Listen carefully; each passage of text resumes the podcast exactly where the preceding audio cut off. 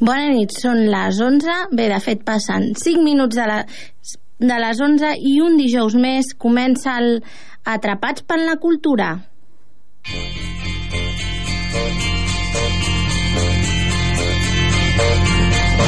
They say we're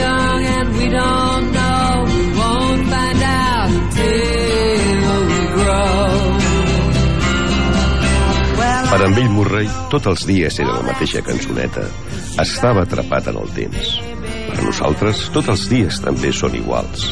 En Bill el salvava l'Andy McDowell. I a nosaltres, qui ens salvarà? La cultura, els llibres, el cinema, les sèries, l'art, l'oci, la gastronomia. Feu-nos cas i sentiu-vos atrapats amb la cultura. Amb la Cristina Guarro i el seu equip. So we don't have a plot, but at least I'm sure of all the things we got. Babe, I got you, babe. I got you, babe. I got flowers in the spring.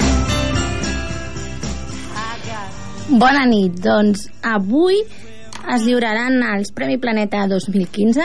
De fet, d'aquí poc més, poc menys, perdó, d'una hora, doncs se sabrà qui se l'emporta i jo m'atreveixo a donar-vos una pista perquè un ocellet doncs, ens ha comentat que es tracta de guanyadora. Eh, en finalitzar el programa en tornarem a avançar una mica més de, de la trama d'aquesta novel·la vencedora que, com acabo de dir-vos, l'ha escrita una dona. Doncs el programa d'avui, exceptuant aquesta petita referència a la literatura per, a través dels Premi Planeta, no hi ha més llibres en el programa d'avui. Avui tenim eh, teatre, molt de teatre, de fet tenim dos continguts relacionats amb el teatre. Eh, en primer lloc entrevistarem el Miquel Murga, el director teatral que en aquests moments doncs, té obra en cartellera, en aquest cas en el Teatre Gaudí. Després continuem, continuem amb el teatre perquè parlarem de Marits i Mullers, aquesta adaptació que ha fet l'Àlex Rigola, que es pot veure aquests dies al Teatre La Villarroel. Després parlarem de cinema, d'una bonica faula del director belga Xavier Bouas, que és el, el Precio de la Fama. És una petita faula homenatge al gran Charles Chaplin. I després doncs, farem referència a música, perquè doncs, aquí a Cornellà comença ja la temporada del Cornellà Escena i parlarem una miqueta d'aquest primer concert que es fa dins d'aquest cicle que és el Cornellà en escena. Doncs amb aquests continguts del dia d'avui, ara sí que podem dir que comença ja definitivament Atrapats en la Cultura.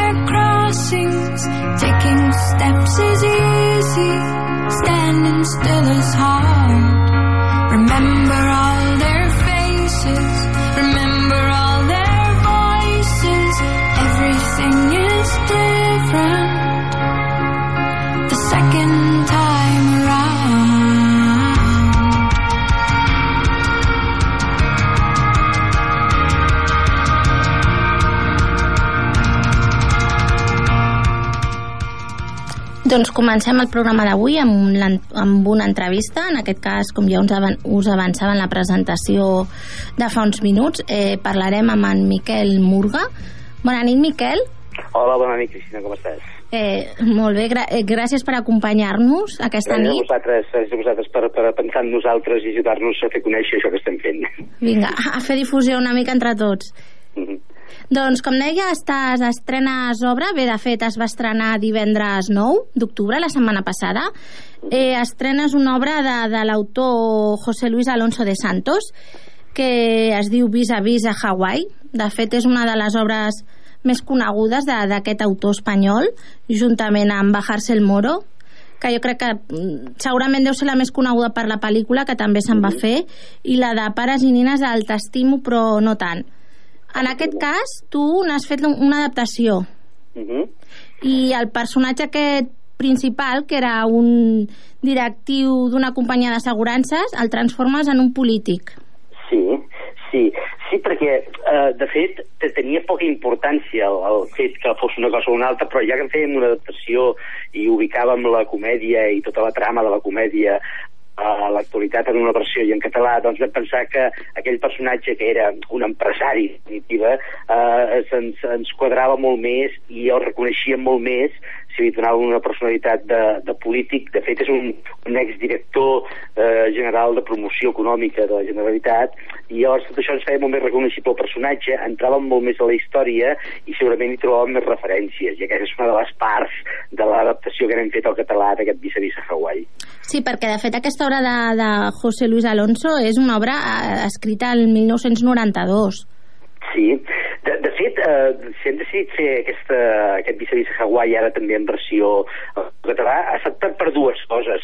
Una, perquè la temporada passada, com tu molt bé deies, ja vam fer l'adaptació del Pare i Sinines, que Mhm. aquí vam dir-li t'estimo però no tant, i amb, el- amb l'autor vam, vam fer un pacte no escrit i és que després d'aquella faríem el Vis a Hawaii, però sobretot perquè aquest any se celebren 50 anys de la vida professional com a escriptor de José Luis Alonso Santos, que és un, és un dramaturg que aquí a Catalunya s'ha s'ha fet poc, o es coneix poc, tot i que té molt d'èxit a tota la resta d'Espanya i a Llatinoamèrica les seves obres se'n fan versions de tota mena. Però aquí, en canvi, no em facis dir per què, perquè no, parlant amb ell inclús, no entrellat del per què, aquí no s'havia representat gaire.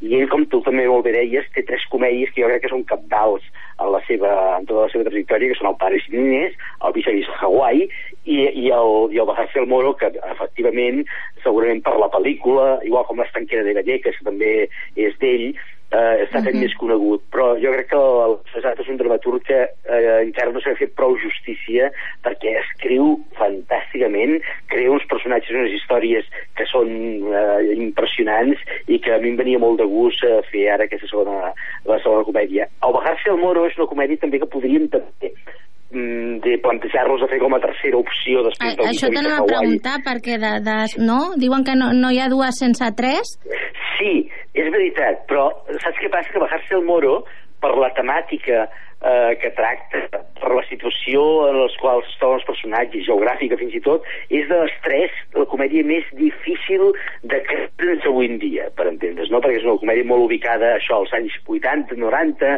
amb personatges molt, molt eh, de, de, de, de la meseta espanyola, diguéssim, no? I en canvi aquí, tant el Visa Visa Hawaii com el T'estimo però no tant que vam fer, era molt més fàcil adaptar-lo i creure'ns-els avui en dia fent una adaptació més, més, més d'ara, no? I, i deies que, que el José Luis Alonso no ha estat gaire representat a Catalunya. No sé si poder algun dels motius podria ser que el gènere en concret aquesta, aquesta trilogia de la qual estem parlant ara Sí. és el gènere aquest vodevil, l'estracanada, no? Una mica, no sé si no agrada gaire aquí a Catalunya. Bé, fet, jo, no, no, jo crec que seria un error que ubiquéssim a l'Alonso Santos dins del gènere, diguéssim, de... Això, tu ara eh, s'entén molt bé això que dius, eh, de l'estracanada o de... Però en canvi l'Alonso Santos és un, és un home de ploma fina, eh? Sí, sí, no, sí, jo que- no dic que sigui Sí, sí. en, en el cas de tota la seva obra, no? Però potser aquestes més, tres no? comèdies... Sí. Mhm. Sí, segurament, eh, probablement, jo crec que no és tant per això, sinó perquè eh, va conrear, o sigui, va, a generar una, una comèdia molt ubicada i molt concreta dels anys 80, 90, on, on eren personatges com molt, molt urbans, molt, molt d'aquella dècada, no? I segurament, potser per això, a Catalunya, doncs, no... I, i també, no ens enganyem, eh? perquè és un autor espanyol i de vegades els autors espanyols contemporanis aquí els senten a l'esquena. Crec que injustament, perquè, escolta'm, quan un, un autor, un dramaturg, eh, té categoria, és bo i escriu com escriu ell, ens, ens és igual la llengua, i ho podem fer, ho haguéssim pogut fer en castellà també aquí, eh, però ens va semblar que, bueno, que ens venia molt de gust ho fer per primera vegada en un teatre eh, comercial, per exemple, una cartellera de Barcelona, en català, perquè tampoc no havia passat això. Sí s'havia fet a Mallorca, per exemple, o a Hawaii, hi ha una versió en català de Mallorca que sí que s'ha fet, però aquí no s'havia uh -huh. fet. I això ell em consta, perquè m'ho ha confessat i ens ho ha dit, que li feia molta il·lusió i, vaja, està molt content i satisfet. Jo crec que no, no s'havia fet tant per això, eh, perquè és un autor contemporani espanyol i que el teníem com una mica oblidat, com menys creat, i era totalment injust, això. Va, encara, eh, poder encara han de passar alguns anys més, no? Aquella cosa tan injusta de... perquè se'n comenci a parlar com a clàssic Segur, segur, segur. A més a més, no en dubtis, eh? Ja veuràs, si parlem d'aquí uns anys, eh, veurem que els Salut Salons 60 passa això a formar part dels clàssics de la literatura espanyola, eh? Perquè, de, de la dramaturgia, de, de, del món teatral, perquè, repeteixo, és increïble amb la precisió que escriu, com crea les històries, la capacitat que té d'anar creant expectació amb aquestes històries, amb uns personatges que són que, que podem anar adaptant amb el temps, com hem fet nosaltres, i que no perden cap sentit, i que, a més a més, escolta'm, Alonso de Santos actualment és el president de l'Acadèmia de les Arts Escèniques d'Espanya, per tant, és un personatge d'un prestigi reconegut arreu a Llatinoamèrica, les versions que en trobem de, de les seves comèdies infinites, i per això és d'aquells que els sorprèn molt que aquí no s'hagués acabat fent mai com va ser ara, no? i l'ha poguda veure ja aquesta versió teva? No, encara no, el viceministre Hawaii no. Ell va, va, va conèixer i va veure el T'estimo però no tant, el pare Sinini. Això va facilitar molt les coses perquè em va, se'n va, es va entusiasmar molt amb aquella versió que vam fer la temporada passada de la seva comèdia, sobretot perquè va dir, paraules d'ell, eh, va dir, ostres, no pensava que podia ser tan actual i tan moderna i amb un look tan, tan, tan d'ara, no?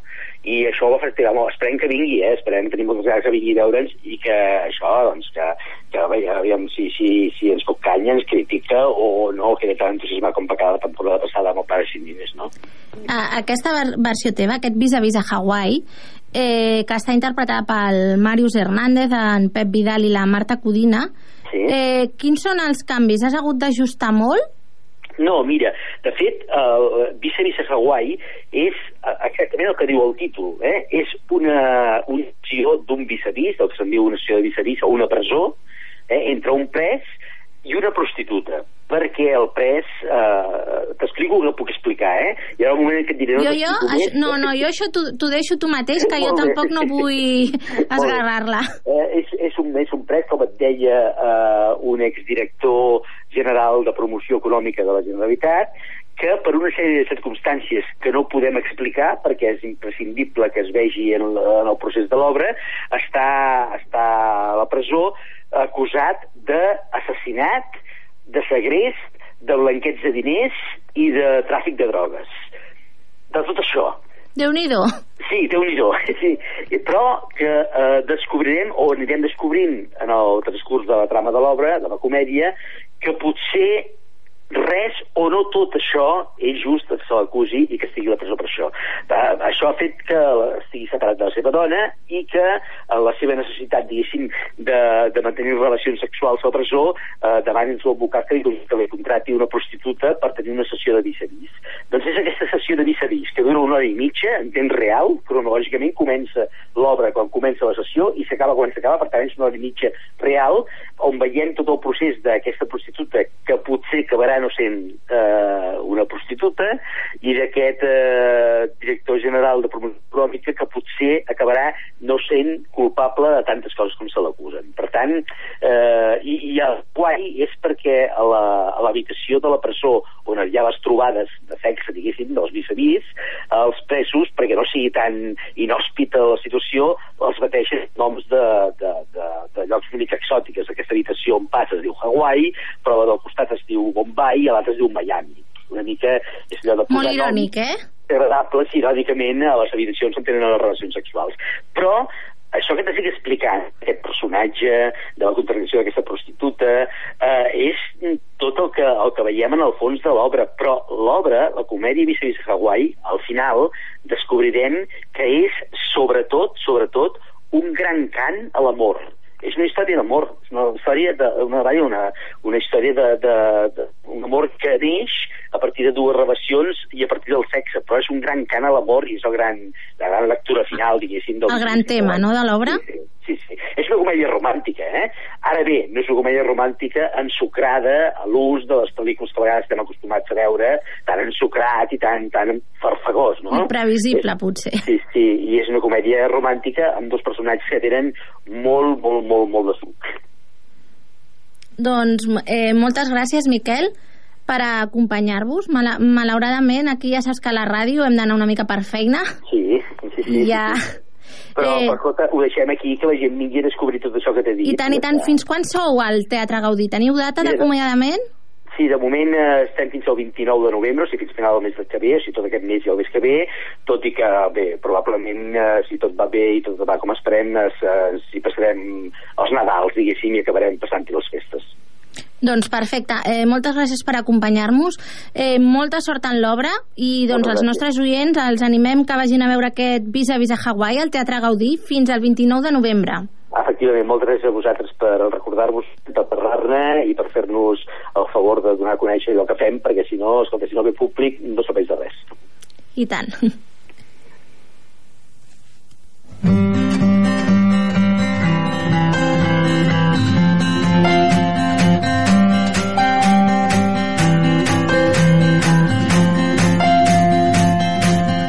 Tu no saps com em fas sentir com un ninot fora la caixa tan petit insignificant.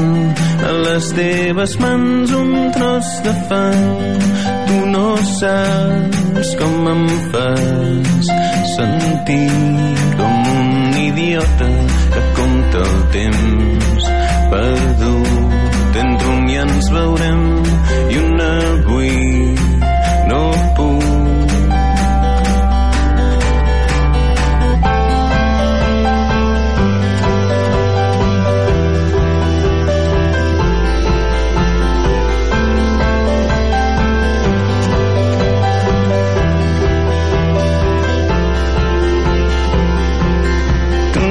no saps reconèixer en mi el que tinc d'or et sembla una llauna jo m'arrugo i vaig oxidant-me. El que trobo dolç a tu t'amarga i per allargar la tonteria que ens cremava avui està ofegant-me. Mm, i per allargar la tonteria que ens cremava avui Escoltàvem Tros de Fang del grup català Mishima. I per què? Doncs perquè resulta que aquesta setmana en el marc del Cornellà Escena ens visita el seu cantant, el David Caravent que actuarà a la sala Romagosa aquest dissabte 17 d'octubre. Eh, serà a les 10 de la nit.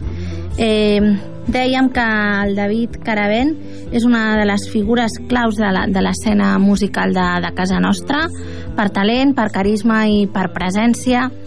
És guitarra i veu principal del, del Mishima. També n'és el seu compositor principal. Aquest artista barceloní ha escrit un grapat de cançons que recentment ha con- contextualitzat i comentat a un llibre editat per Empúries, La forma d'un sentit. Com a extensió d'aquesta doncs, retrospectiva, ha decidit alternar els concerts de la banda doncs, amb una sèrie de concerts eh, més de caire més intimista, un trio acompanyat per en Marc Lloret al piano i el Pablo Fernández a la guitarra, per tal de repassar doncs, aquelles cançons que habitualment no formen part del, del, reperto del repertori de la seva banda, dels Mishima, i què trobem dins d'aquest repertori? Doncs hi ha poemes de Joan Vinyoli, musicats doncs, per a l'ocasió, adaptacions al català d'alguns dels seus referents, com poden ser el Serge Gainsbourg, el Randy Newman o el Nate Hannon, entre d'altres, i el que ens ofereix a Cornellà Escena aquí a la Sala Romagosa aquest dissabte és una extraordinària oportunitat per redescobrir a qui millor ha cantat des del pop, l'amor, la bellesa i la nit. Eh, en David Caravent ens deixarà veure la faceta menys habitual del músic i també unes quantes sorpreses. Òbviament d'aquestes sorpreses no, no en parlarem i us convideu a que aneu a descobrir-les. Doncs després d'aquesta petita referència musical, passem, passem i saltem de nou a parlar de teatre. Escolteu, és que abans d'anar a sopar us volíem explicar una cosa. Tu saps què passa? No, no en tinc ni idea. En Joan i jo ens separem. Ah, doncs tampoc és tan greu. Però què dius? Ho hem parlat, ho hem parlat molt de temps i els dos creiem que és el millor. Marits i mullers, la personal visió de Woody Allen sobre el món de la parella, arriba al teatre amb Àlex Rigola. Efectivament, perquè Àlex Rigola sembla que de moment deixa de banda una mica aquestes grans tragèdies a les quals ens té acostumat i es llança de ple a la comèdia, tot i que en aquest cas Marits i mullers de, de Woody Allen no és una comèdia purament en el sentit estricte del gènere, sinó que podríem parlar-ne de comèdia dramàtica. En aquest cas, eh, Marits i mullers doncs és una de les grans pel·lícules de, de, Woody, de Woody Allen, també coneguda doncs, perquè va ser l'última pel·lícula que Woody Allen va fer amb la Mia Farrow.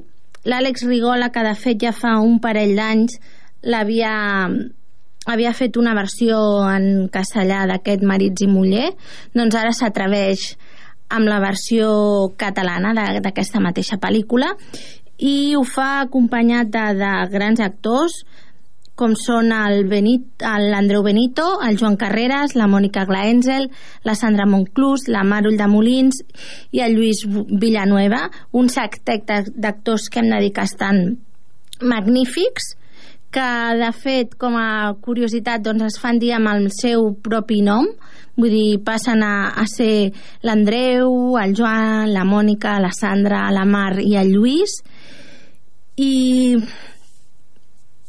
hem de dir que d'aquesta adaptació el que més ens ha agradat és bé, a banda, primer de tot és mm, dir-vos que es tracta d'un d'un guió, clar, esplèndid, com no podria ser, ser menys per part de qui l'escriu, però l'adaptació que n'ha fet l'Àlex Rigola recull molt bé doncs, la, l'esperit de l'obra de, de Woody Allen, aquesta pel·lícula, en aquest cas, eh, el desencadenant de la, de la qual és el divorci d'un- d'una parella d'amics, com afecta aquest divorci, aquesta separació, doncs, al- a l'Andreu i la, i la Mònica, no? Com els afecta i com fa que, que s'afrontin a aquesta problemàtica per ells, sembla una problemàtica, aquest divorci d'uns amics, i una mica doncs, el que va fent és aquesta dissecció a les relacions de, de parella a través d'aquests eh, d'aquestes tres parelles o quatre fins i tot que s'arriben a formar durant aquesta poc més d'hora i mitja de, de pel·lícula, què és el que més ens ha agradat? Doncs la veritat és que mm, penso que, en, que l'Àlex Rigola realment doncs, aconsegueix transmetre molt bé l'esperit de la pel·lícula del Woody Allen. La, és molt reconeixible.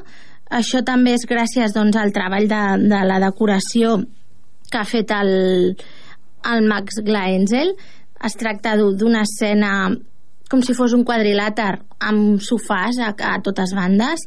Es tracta d'un escenari que obliga a la presència constant dels sis intèrprets amb la qual cosa es fan escenes que van amb agilitat d'una a l'altra. Hi ha una molt bona trasla, traslació o salts per millor més ben dit salts entre una escena i l'altra.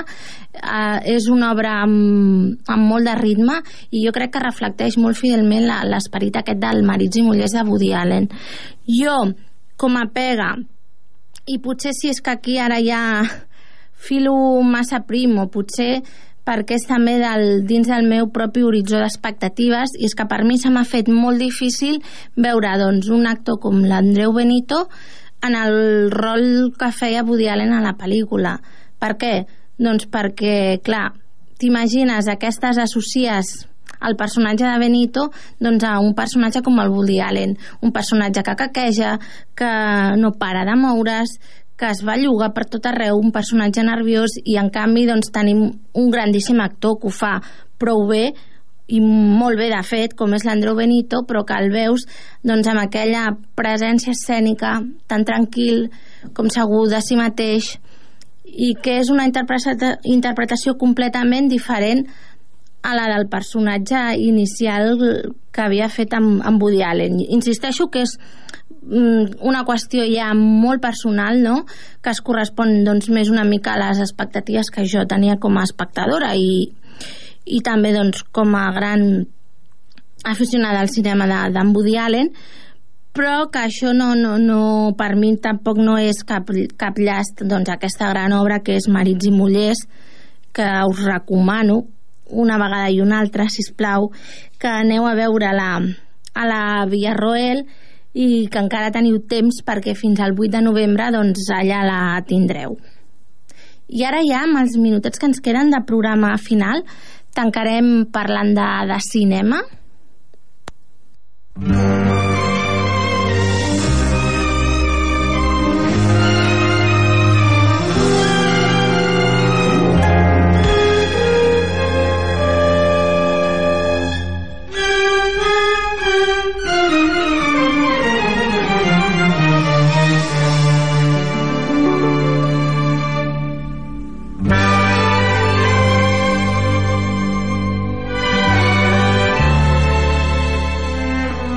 Doncs no sé si algun dels nostres oients ha reconegut aquesta esplèndida banda sonora.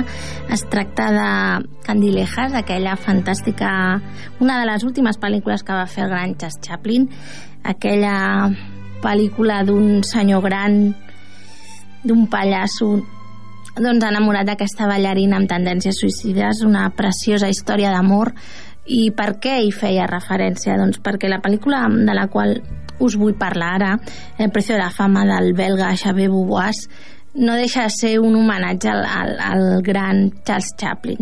Per què dic homenatge? Doncs perquè aquesta pel·lícula eh, comença, se situa en els dies posteriors a la, a la mort de Charles Chaplin. No sé si, si alguns dels nostres espectadors li arribarà la, mem la memòria, però Chaplin va morir doncs, el, el dia de Nadal de 1977 va morir allà a Suïssa, a, a Bebei, que és una ciutat que dona a la banda de... perdó, del llac Lehmann.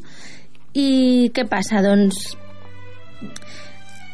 doncs surt a Lady Ricard, que està protagonitzat pel Benoit, Benoit Paul, Paul, Paul Burt, doncs surt de la presó i va per a casa d'un amic seu, de l'Osman Brisha, que és en Selicamac, doncs aquest amic que l'acull com a contrafavor doncs han acordat que l'Edi doncs, cuidarà de la filla que té l'Osman, la Samira, perquè té la seva dona Nur ingressada.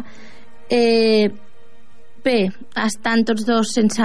no tenen ni un duro i amb l'Edi doncs, ell pensa que una bona manera de sortir d'aquest sense diners, per dir-ho d'alguna manera, doncs és robar el, el fèretre del, del gran Charles Chaplin i demanar un rescat.